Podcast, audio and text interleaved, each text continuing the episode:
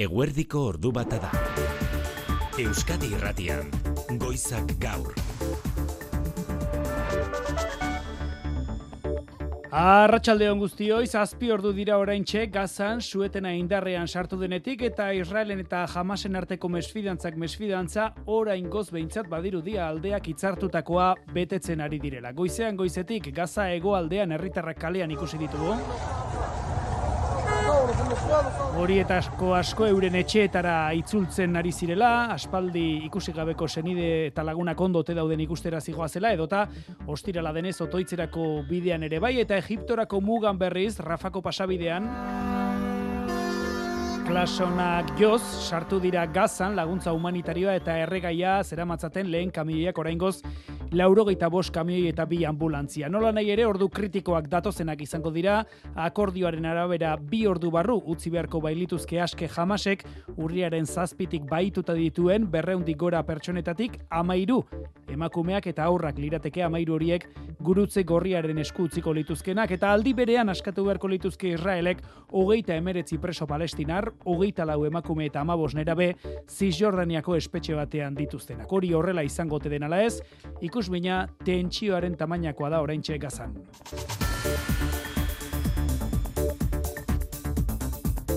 Bere ala joko dugu zuzenean, Mikel Aiestaran, EITBek ekielde urbilan duen berri emailaren gana, xetasun gehiagoren bila, aurrez, etxeko lerroburu dagokienez, igo tzalkorta, arratsaldeon.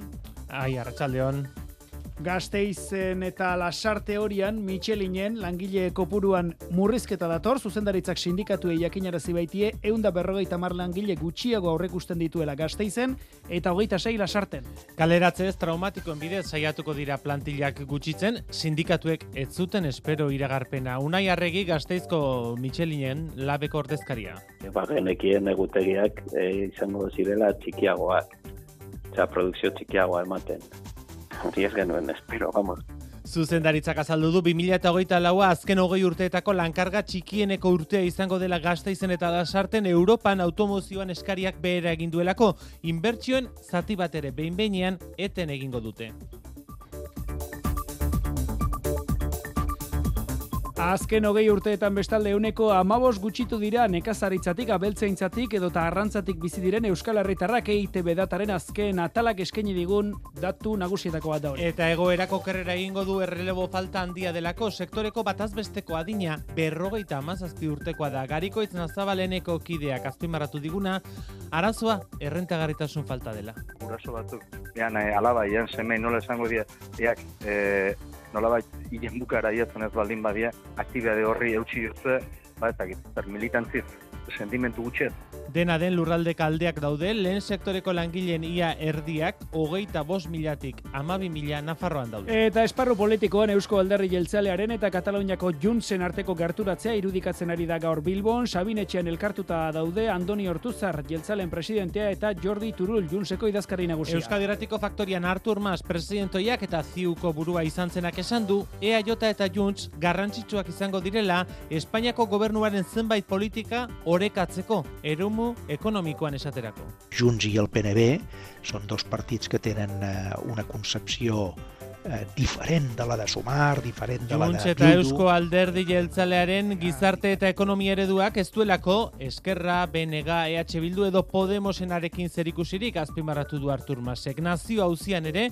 bi alderdien arteko elkarlana defendatu du. Eta ate jokaduko asteburuan negurako jaki bilketa nagusia egingo dute Euskal Herriko elikagai bankuek mezu nagusi batekin inflazioaren ondorioz aurten komeni dela bonoak baino elikagaiak ematea janire gerena barrena Bilbo Bilbon, sarrikoko saltoki baten atarian, arratsaldeon.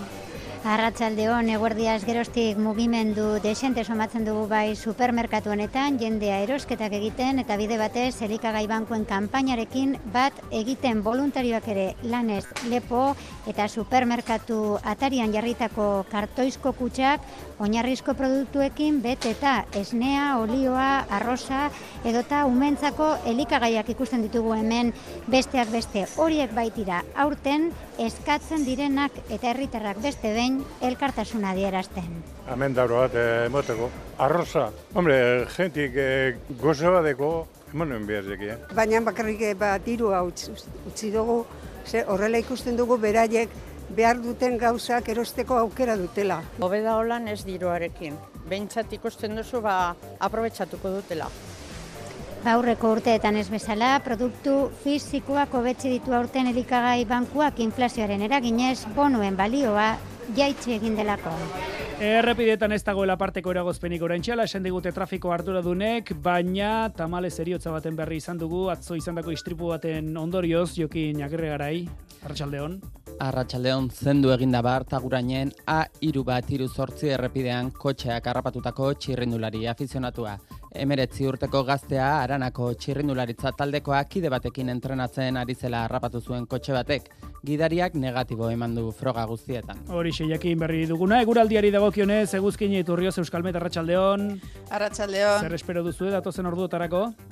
Ba, larun bat arratsaldera arte beodei ugarirekin jarraituko dugu eta gaur gauean eta bihar goizaldean eta goizean zirimiria eta euri txiki egingo du batez ere kantauri zurialdean.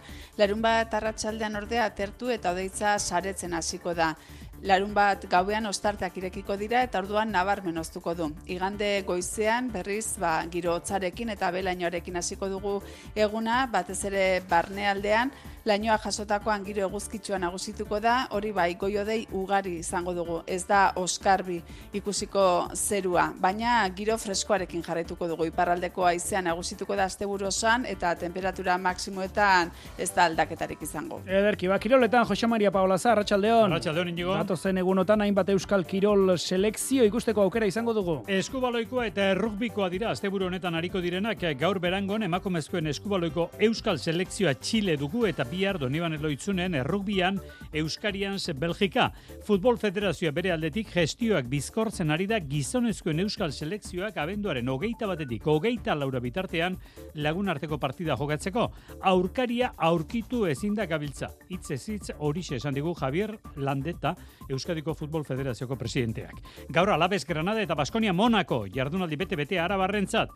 Eta gainera biak ere pare-pareko aurkarien kontra zemailari eusteko lanean dira alabez eta Granada eta Euroligan topa marra dute helburu Baskoniak eta Monakok. Eta gainera binakako pilota txapelketa azkoitian astera doa leia eskurdia eta tolosa peio etxeberri eta zabaletaren kontra. Bete-bete ordu eta terdietatik aurrera kirolegez saioa Euskadi Irratian eta gauza bera esan daiteke kultur leioaz Manu etxe sortu arratsaldeon. Kaixo inigo. Ordu biterdietatik aurrera besteak beste kontatuko diguzue esnebeltza taldeak bere bidea amaitu egingo duela.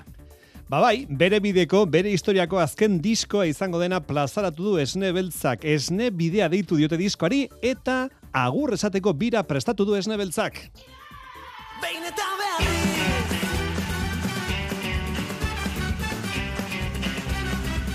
Ba bai, esne beltza bukatu egingo da, agur esateko bira 2000 eta hogeita laugarren urtean zehar luzatuko da, eta azken azken kontzertua inigo 2000 eta hogeita bosgarren urteko hasieran eskeniko dute urteotan izan dituzten laguna handiak bilduz, toki eta eguna zehaztu gabe daude. Esnebeltza, bukatu egingo da, Xabi Solano. Talde bat urte asko amakizkinean bidea zailagoa bihurtzen da, ez aurrera jarraitzea. Gu momentu enten oso ondo gaude, oso ondo pasatzen dugu, eta irutze zaigu momentua dela guzteko, erabakia ja aspalditik hartu genuen, ez genuen utzi nahi eta listo, gogoa genuen disko bat ateatzeko, oraindik gauzak esatuko genitun, eta irutze zaigun gainean gure jarraitzaileak eta gu gure burua ere zor, zor geniola hau ateratzea. Esne beltza. Esne beltzaz gain, inigo gaur albiste, Donostiako Santelmo Museoak berritu egin duela arte historikoari eskinitako aretoa, areto berrian sartu orduko ikusleak Ignacio Zuloagaren margolanak ikusiko ditu. Eta bihar sortzi, jokatuko den Nafarroako txapelketako, Nafarroako bersoi txapelketako finalean, Iruñeko anaitasunak iroldegian txapeldunari alaitz rekondok jantziko dio txapela. Amabi urte egin ditu alaitzek, Nafarroako bertxozale elkarteko presidente gisa inigo. Azaroko goita laugarren du gaurkoa teknikan eta errealizazioa Mikel Rategi eta Xabi Iraola ordu bata eta bederatzi minutu. Euskadi Irratian, Goizak Gaur. Inigo Alustiza. Gerraren berrogeita zortzi garren egunean lehenbiziko aldiz suetena dute indarrean gazan goizean goizetik asko kostata eta nagusiki katarren bitartekaritzaz lortutako lau eguneko suetena da eta gauzak ondo lehen baitu Israeldarren askatasuna eta lehen preso palestinarrak espetxetik ateratzea albidetuko du ordu gutxi barru. Mikel Aiestaran eite beren berria maila ekialde urbilean, Mikel Arratxaldeon. Arratxaldeon. Zazpi ordu egin ditu indarrean suetenak, errespetatzen ari da nola joan dira lehen ordu hauek? Bai, gazak e, zuetenaren lehen orduak bizi ditu eta esan genezake betetzen. Ari dela, Israelek e, dena pres du, jamasek askatuko dituen lehen amairu baituak hartzeko, eta bi aldeek zuetena errespetatzen badute ere, gutxienez, gutxienez, bildako izan dira goizean zehar salaidinoko errepidean, Israelek panfletoak jaurti ditu jendeari esateko zerrendaren iparraldea borroka ere dela eta ez dagoela itzultzerik, arazoa da, jendeak bere etxeak ikusi nahi dituela, batzuk itzultzen saiatu dira eta soldaduek tiro egin dute. Bestaldetik, Rafajeko pasabidean mugimendua handia dago eta jarduera bizia eh, esango nuke eta laguntza humanitarioa eta erregaia sartzen ari dira Israel eta Hamasen arteko itunak jasotzen duen bezala.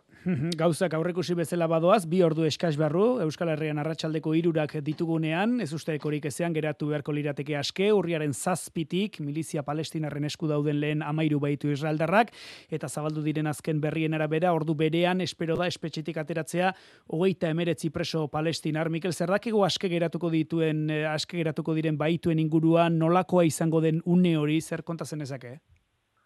Ba, momentuz dakiguna da atzerapena, egon dela, eta armadaren e, kalkulu berrien arabera gatibuen etorrera arratsaldeko xeirak aldere izango dela, hau da e, arratsaldeko bostetan e, Euskal Herrian, hori gertatzen denean, e, esan duzun bezala Israelek hogeita meretzi perso palestina raskatuko ditu.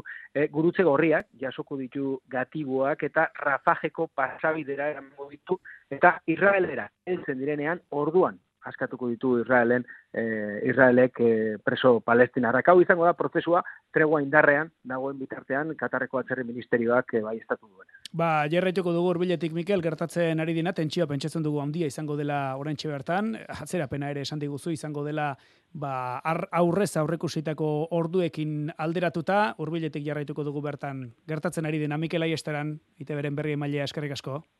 Agur. Hori ekialde hurbilean, baina Bart Irlandara begira ere izan gara, Dublinen, azken amarkadetako istilurik larrienak izan baitituzte, hogeita amalau atxilotu eta larri zauritutako polizia bat gutxienez utzi dute istilu horiek eskuin muturretik immigrazioaren aurkoa sustatutako protestetan itxura. Zatzo, labanez egindako erasoan gizonezko batek bost pertsona zauritu ostean, piztu dira istiluak, eta berriro indartu daitezkeen beldur neurriak agindu ditu Irlandako lehen ministroak Mertxetxe berria Arratxaldeon. Arratxaldeon, Irlandako poliziak inoiz ikusi gabeko istiluak izan dira, gardaren arduradunek berri eman dutenez, autobusak eta tranbiak sutan erakusleioak puskatuta Dublin erdigunean amaika poliziako txe txikituta eta agente bat larri zaurituta.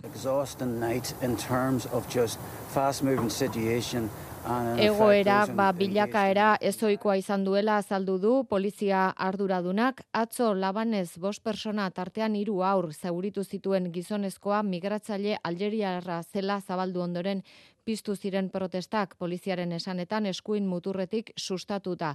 Irish Lives Matter zioten elastikoak eta Irlandako banderak zeramatzaten protestara atera ziren gazte askok. Atzo zaurituetatik, eraso horretan zaurituetatik bilarri daude, erasotzailearen jatorriaz ez da baiestapen ofizialik. Bost ordu behar izan ditu poliziak istiluak mendean hartzeko. Leo Barak dar Irlandako lehen ministroak lotxa azaldu du gertatu denaren arira.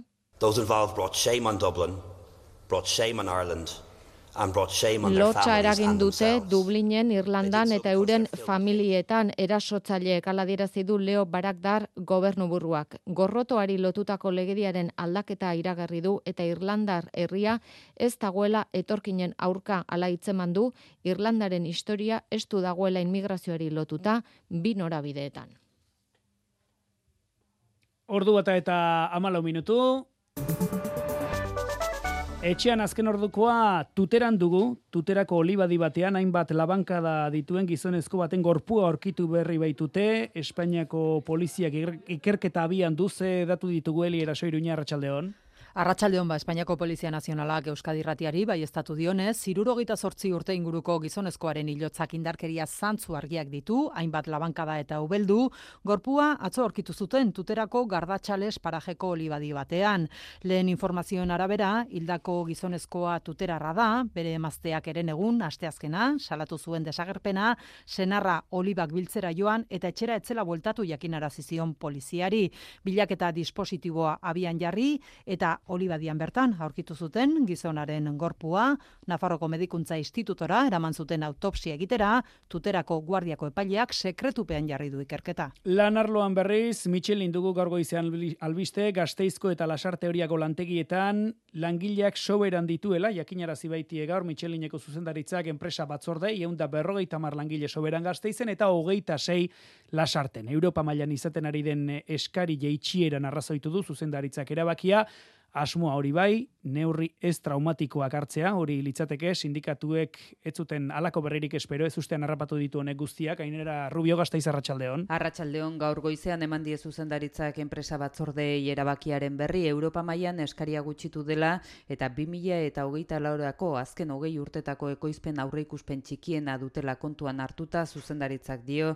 Eunda irurogeita amasei langile daudela soberan Euskal Autonomia Erkidegoko Michelinen bilantegietan, eunda berrogeita mar gazteizen eta hogeita sei lasarten. Horrez gainera, gazteizko lantegirako iragarrita zeuden berreunda berrogeita mar milioi euroko inbertsioaren zati handi bat geldiaraziko dutela jakinarazi du zuzendaritzak, irurogeita amabost milioi euro hain zuzen ere. Egutegia hitzartzeko bilera zuten gaurkoa, sindikatuek ez zuten alako iragarpenik espero unai arregi gazteizko komiteko labeko kidea. Itzakia izan da, hori pues urtean zehar eman duena, pues e, egoera ez dela ona, egoera mundiala ez dela ona, eta bueno, eskaera falta daudela. Eta e, bagenekien egutegiak e, izango zirela txikiagoak, eta produkzio txikiagoa ematen. Hori ez genuen, espero, vamos.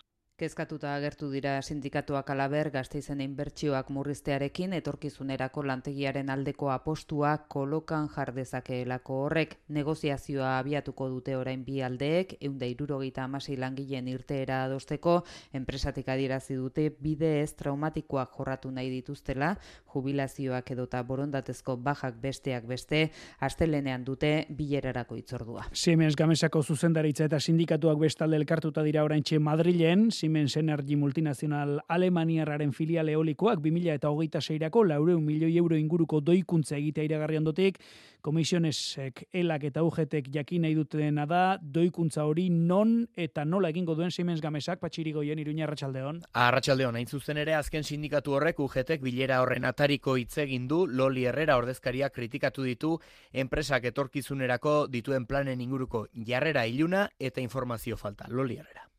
Pues estamos todos esperando un poquito que de una buena vez nos digan cuál es el plan de la empresa, cuál es la viabilidad que va a haber. Así que nos quejamos Eta laguntzak de nuevo. ematekotan enpleguari lotuta egotea eskatu du herrerak gainera laureu milioi euroko kostuen aurrezpena egiteko bideragarritasuna zein izanen den argitzeko eskatu dio ordezkariak zuzendaritzari. Gauzak horrela, atzo sindikatuak Mikel Irujo Nafarroako Industria Kontseilariarekin batzartu ziren, berez Irujok informazio gehiago izanen zuelakoan, baina askoz gehiago ere zomendu foru gobernuak, horregatik gaur arratsaldean bilduko da kontseilaria enpresa zuzendaritzarekin.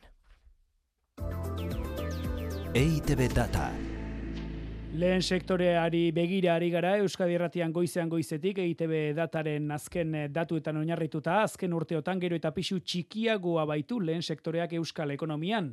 Ego Euskal Herrian ogeita bos mila pertsona bizi dira lehen sektoretik, gainerako sektorekin alderatuta euneko iru terdi baino ez da hori eta bereziki abeltzaintzak izan du beherakadarik handiena.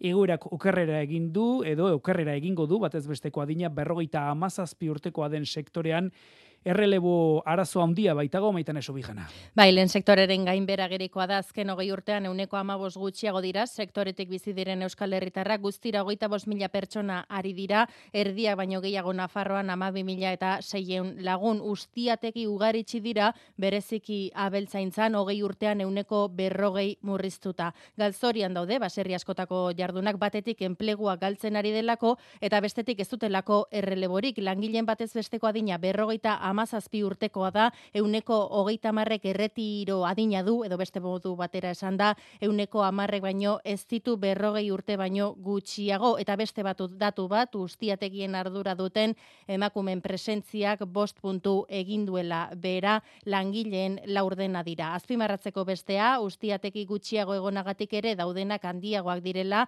eta makroetxaldeak ere gutxi oraingoz, baina hauek ere gorantz doaz bereziki Nafarroan kontsumoa kontsumoari begiratuta, hemen kontsumitzen e, denetik euneko hogeita bi baino ez da bertakoa. Sektorean galdera eginda, maitane kritiko mintzatu zaizkigu ordezkariak, bizi duten egoerarekin salatuz ez dela lehen sektorearen aldeko apustu sendo egiten. Bai, lehen sektorari etzaiola behar besteko balioa ematen argi dio, garekoitz nazabalen sindikatuko kideak eta arazoa errentagarritasun falta dela. Eta da, errentagarritasun falta, baserritarrai etzaiolako ordaintzen, eta esaldi hola esango dut etzaio ordaintzen, ez, ez degulako askotan gure produktu saltzen, erositen zaigu, e, tokatzen den e, preziotan, ba, soldata duin batzuk e, atera alizateko, ba, aktibidadean jarraitzeko, ez, eta azkenean, lehen oso lotu edan bizibide bati, e, badiozu faktore hoi, ani guztete, datu itxek e, eragazten dizkibuela. Eta baldintza horietan erreleboa lortzea zaila dela gaineratu du berak bezala erreleborik ez duen Alberto Irastorza olaberriko bildotxaga borda baserriko abeltzainak ere. Zet ikusten, inungo erreleboik, eta ez dakit daun egoerakin e, animauko nuken. Jaiotetxe eutxi nahi diu, hortxe sentitu iten deu, eta benga, eta benga, baina rentabilidadik ez dau, Hoi da, hemengo arazo hoxe da, ez da diruik irabazten, gastu handi dare eta gupiskan modernizatu gine bere gareien, makinaria eta jogendun, eta kar, hoi jaten du gure dirue eta erantzi du administrazioak trabak jartzen dizkietela bidea erraztu beharrean eta oroar gizartearen kontzientzia hartzea falta dela bertakoa kontsumitzeko. Gai aldatuz, azaroak hogeita bosgarrena izango du biharkoa, emakumeen aurkako indarkeria desagerrarazteko nazioarteko egune izango da, eta bezperan iruinean batzartu dira Europar batasuneko berdintasun ministroak, emakumeen aurkako indarkeriari nola aurre egin eztabaidatu, koordinatu, eta neurriak hartzeko heli. Bai, emakumen aurkako indarkeriari aurre egiteko proposamenak eta irizpideak trukatzen ari dira Europako berdintasun arduradunak irunean, mai gainean bi gai nagusi dituztela. Batetik, emakumen kontrako indarkeria mota berriak nola identifikatu eta diagnostikatu indarkeria bikarioa, ziberindarkeria, indarkeria instituzionala, politikoa, eta bestetik, arazoa ikustarazteko datu bilketak duen garrantzian jarri dute azpimarra. Bilera irunean egitea ez da kasualitatea, San Ferminetako talde bortxaketaren kontrako mobilizazioa izan zirelako, soilik bai da bai deritzan legearen ernamuina. Elena Dali, berdintasuneko komisario Europarrak eredutzat jarri du. Sometimes it is society which informs legislation. So it will be legislation. Aurrera eman diren arren, zero indarkeria da helburua eta alegin horretan baliabideak eta koordinazioa hobetzeko konpromisoa adierazi dute Iruñeko baluarte jauregian Europar batasuneko estatu kidetako berdintasun arduradunek. Bide batez Espainiako gobernuak gaur jakinarazi du hilketa matxisten kopurua euneko ber, euneko hogeita bederatzi murriztu dela Espainiar estatuan azken hogei urteetan nerea sarregi Madrid Arratsaldeon. Arratsaldeon bai dakizuenez 2003an hasi ziren hilketa matxisten inguruko datuak biltzen, urte hartan 71 hilketa matxista izan ziren Espainiar estatuan, iaz berrogeita mar izan ziren eta urten momentuz berrogeita mabi. Datu hauek maiganean ondorioztatu du Espainiako barne ministerioak, hogei urtean hilketa matxistak euneko hogeita bederatzi murriztu direla estatuan. Amarkadakan eurtuz gero, 2000 eta irutik 2000 eta amabira, seireunda berrogeita emeretzi hilketa matxista izan ziren, eta hurrengo amarkadan, 2000 eta amairutik 2000 eta hogeita bira, bosteunda hogeita sei. Amarkada batetik bestera, euneko hogeiko murrizketa beraz. Fernando Grande Marlaskaren departamentuak dio, alako ikerketek balio dutela biogen biktimen babes sistema indartzeko kasu bakoitzari protokolo zehatzagoak ezartzeko eta iragarri dute, datozen hilabeteetan biogen bi sistema martxan jarriko dutela, biktimek jasaten dituzten arriskuak eguneratzeko. Donostiako zenbait ikastetxetako eunka ikasle sartu dituzten WhatsApp chat taldeen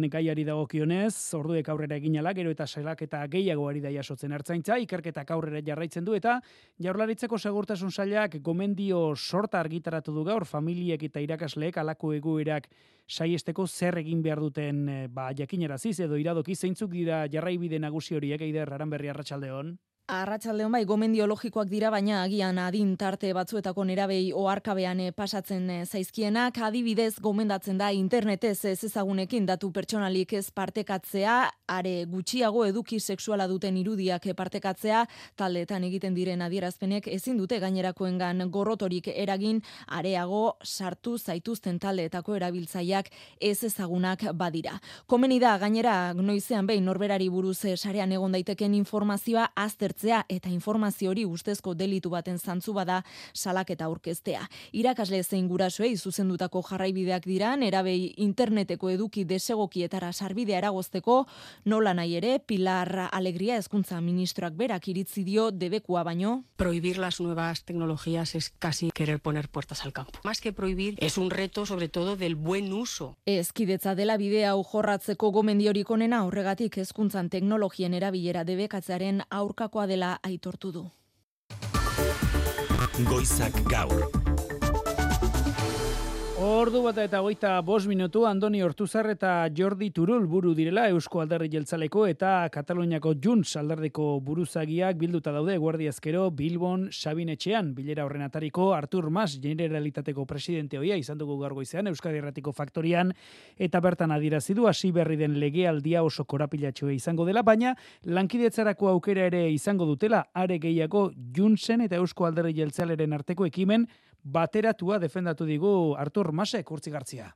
Generalitateko presidente hoiak uste du bi alderdien arteko ekimen bateratuak balioko duela Espainiako gobernutik egingo diren politika mota batzuk orekatzeko eta ez da soilik nazio auziazari. Sinó sobretot també en el terreny, diguem-ne, ideològic, de model de país, d'acció Batez ere eremu ideologikoan izan ere herri eta gizarte ereduari eta baita ekonomia ereduari dagokionean ere Sumarrek, EH Bilduk, Benegak edo eta Podemosek dutenaren ikuspegi ezberdina dute EAJak eta Juntzek.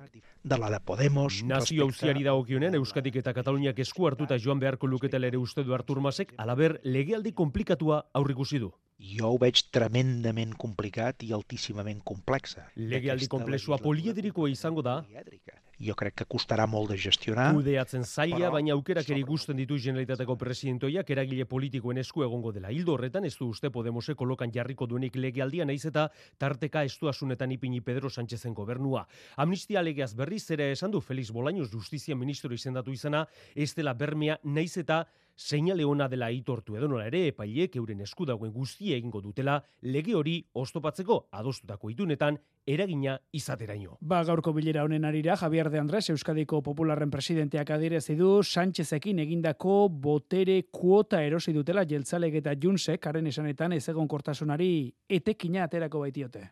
Al final, la inestabilidad política, que ellos es lo que están fortaleciendo, es porque encuentran en ello su de Andresen oportunidad de arabera, poder. jeltzalek Pedro Sánchez eta alderri sozialistarekin azken lau urteetan egindako akordioak ez dira onuragarriak izan ez ekonomiaren ez gizartearen ez da inbertsioen ere eta legealdi berria bide beretik joango da bere iritziz. Eta ELA sindikatuak bestalde Eusko Jaurlaritzak datorren urterako aurkeztu duen aurrekontu proiektua kritikatu du, bere esanetan aurrekontuek aberastasunaren zati gero eta txikiagoa bideratzen baitute osasungintzara eta hezkuntzara. Euskal Autonomia Erkidegoko barne produktu gordina euneko bost aztiko denarren aurrekontu erreala soilik euneko iruko malau gehituko da 2000 eta hogeita iruko itxiera aurreikuspenaren aldean ela sindikatuak emandako datuen arabera. Osasun gintzan esaterako Europaren mailara iristeko 2000 eta berreu milioi euro gehiago bideratu beharko liratekela dioelak eta hezkuntzan 600 eta hogeita amasei milioi euro gehiago. Mitxel Akuntza, elako idazkari nagusia. Horrela egin dira aurrekontu hauek. Jendea dauzkan arazo horiek kontutan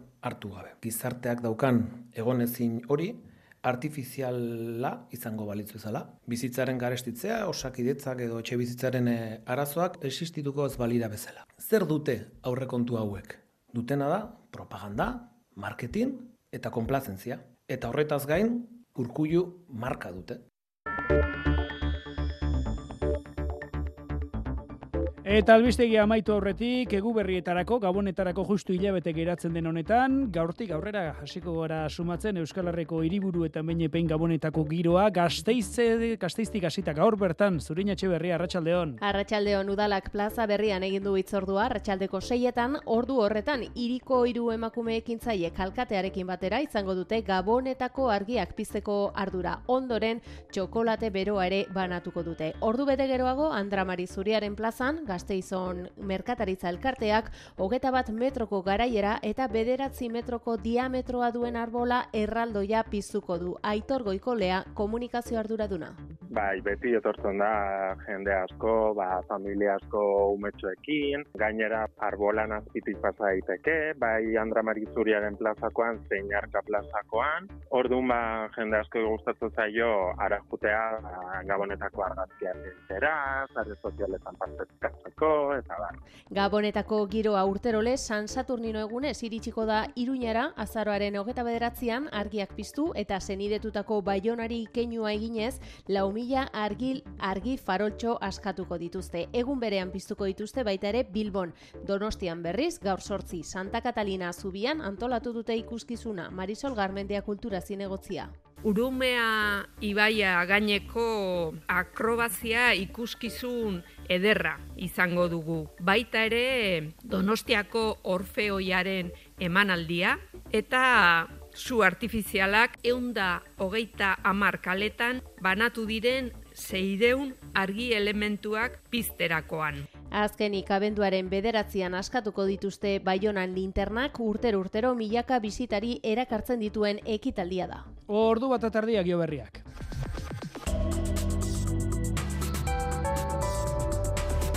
Euskadi Irratian Eguraldia eta trafikoa. Errepidetan ez dago aparteko eragozpenik oraintxe, ala esan digute trafiko arduradunek eta eguraldiari dagokionez asteburu hotza dugu ate joka. Euskal Euskalmeten iragarpena. Datozen orduetan ez du aldaketarik espero eta larun bat arratsaldera arte beode ugarirekin jarraituko dugu eta gaur gauean eta bihar goizean zirimiria teuri txiki egingo du batez ere kantauri surialdean.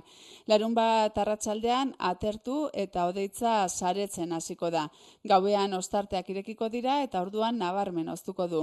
Igande goizean giro hotza eta belainoa izango ditugu batez ere barnealdean, baina behin lainoa jasotakoan giro eguzkitsua, goiodei ugarirekin. Hori bai, fresko egingo du.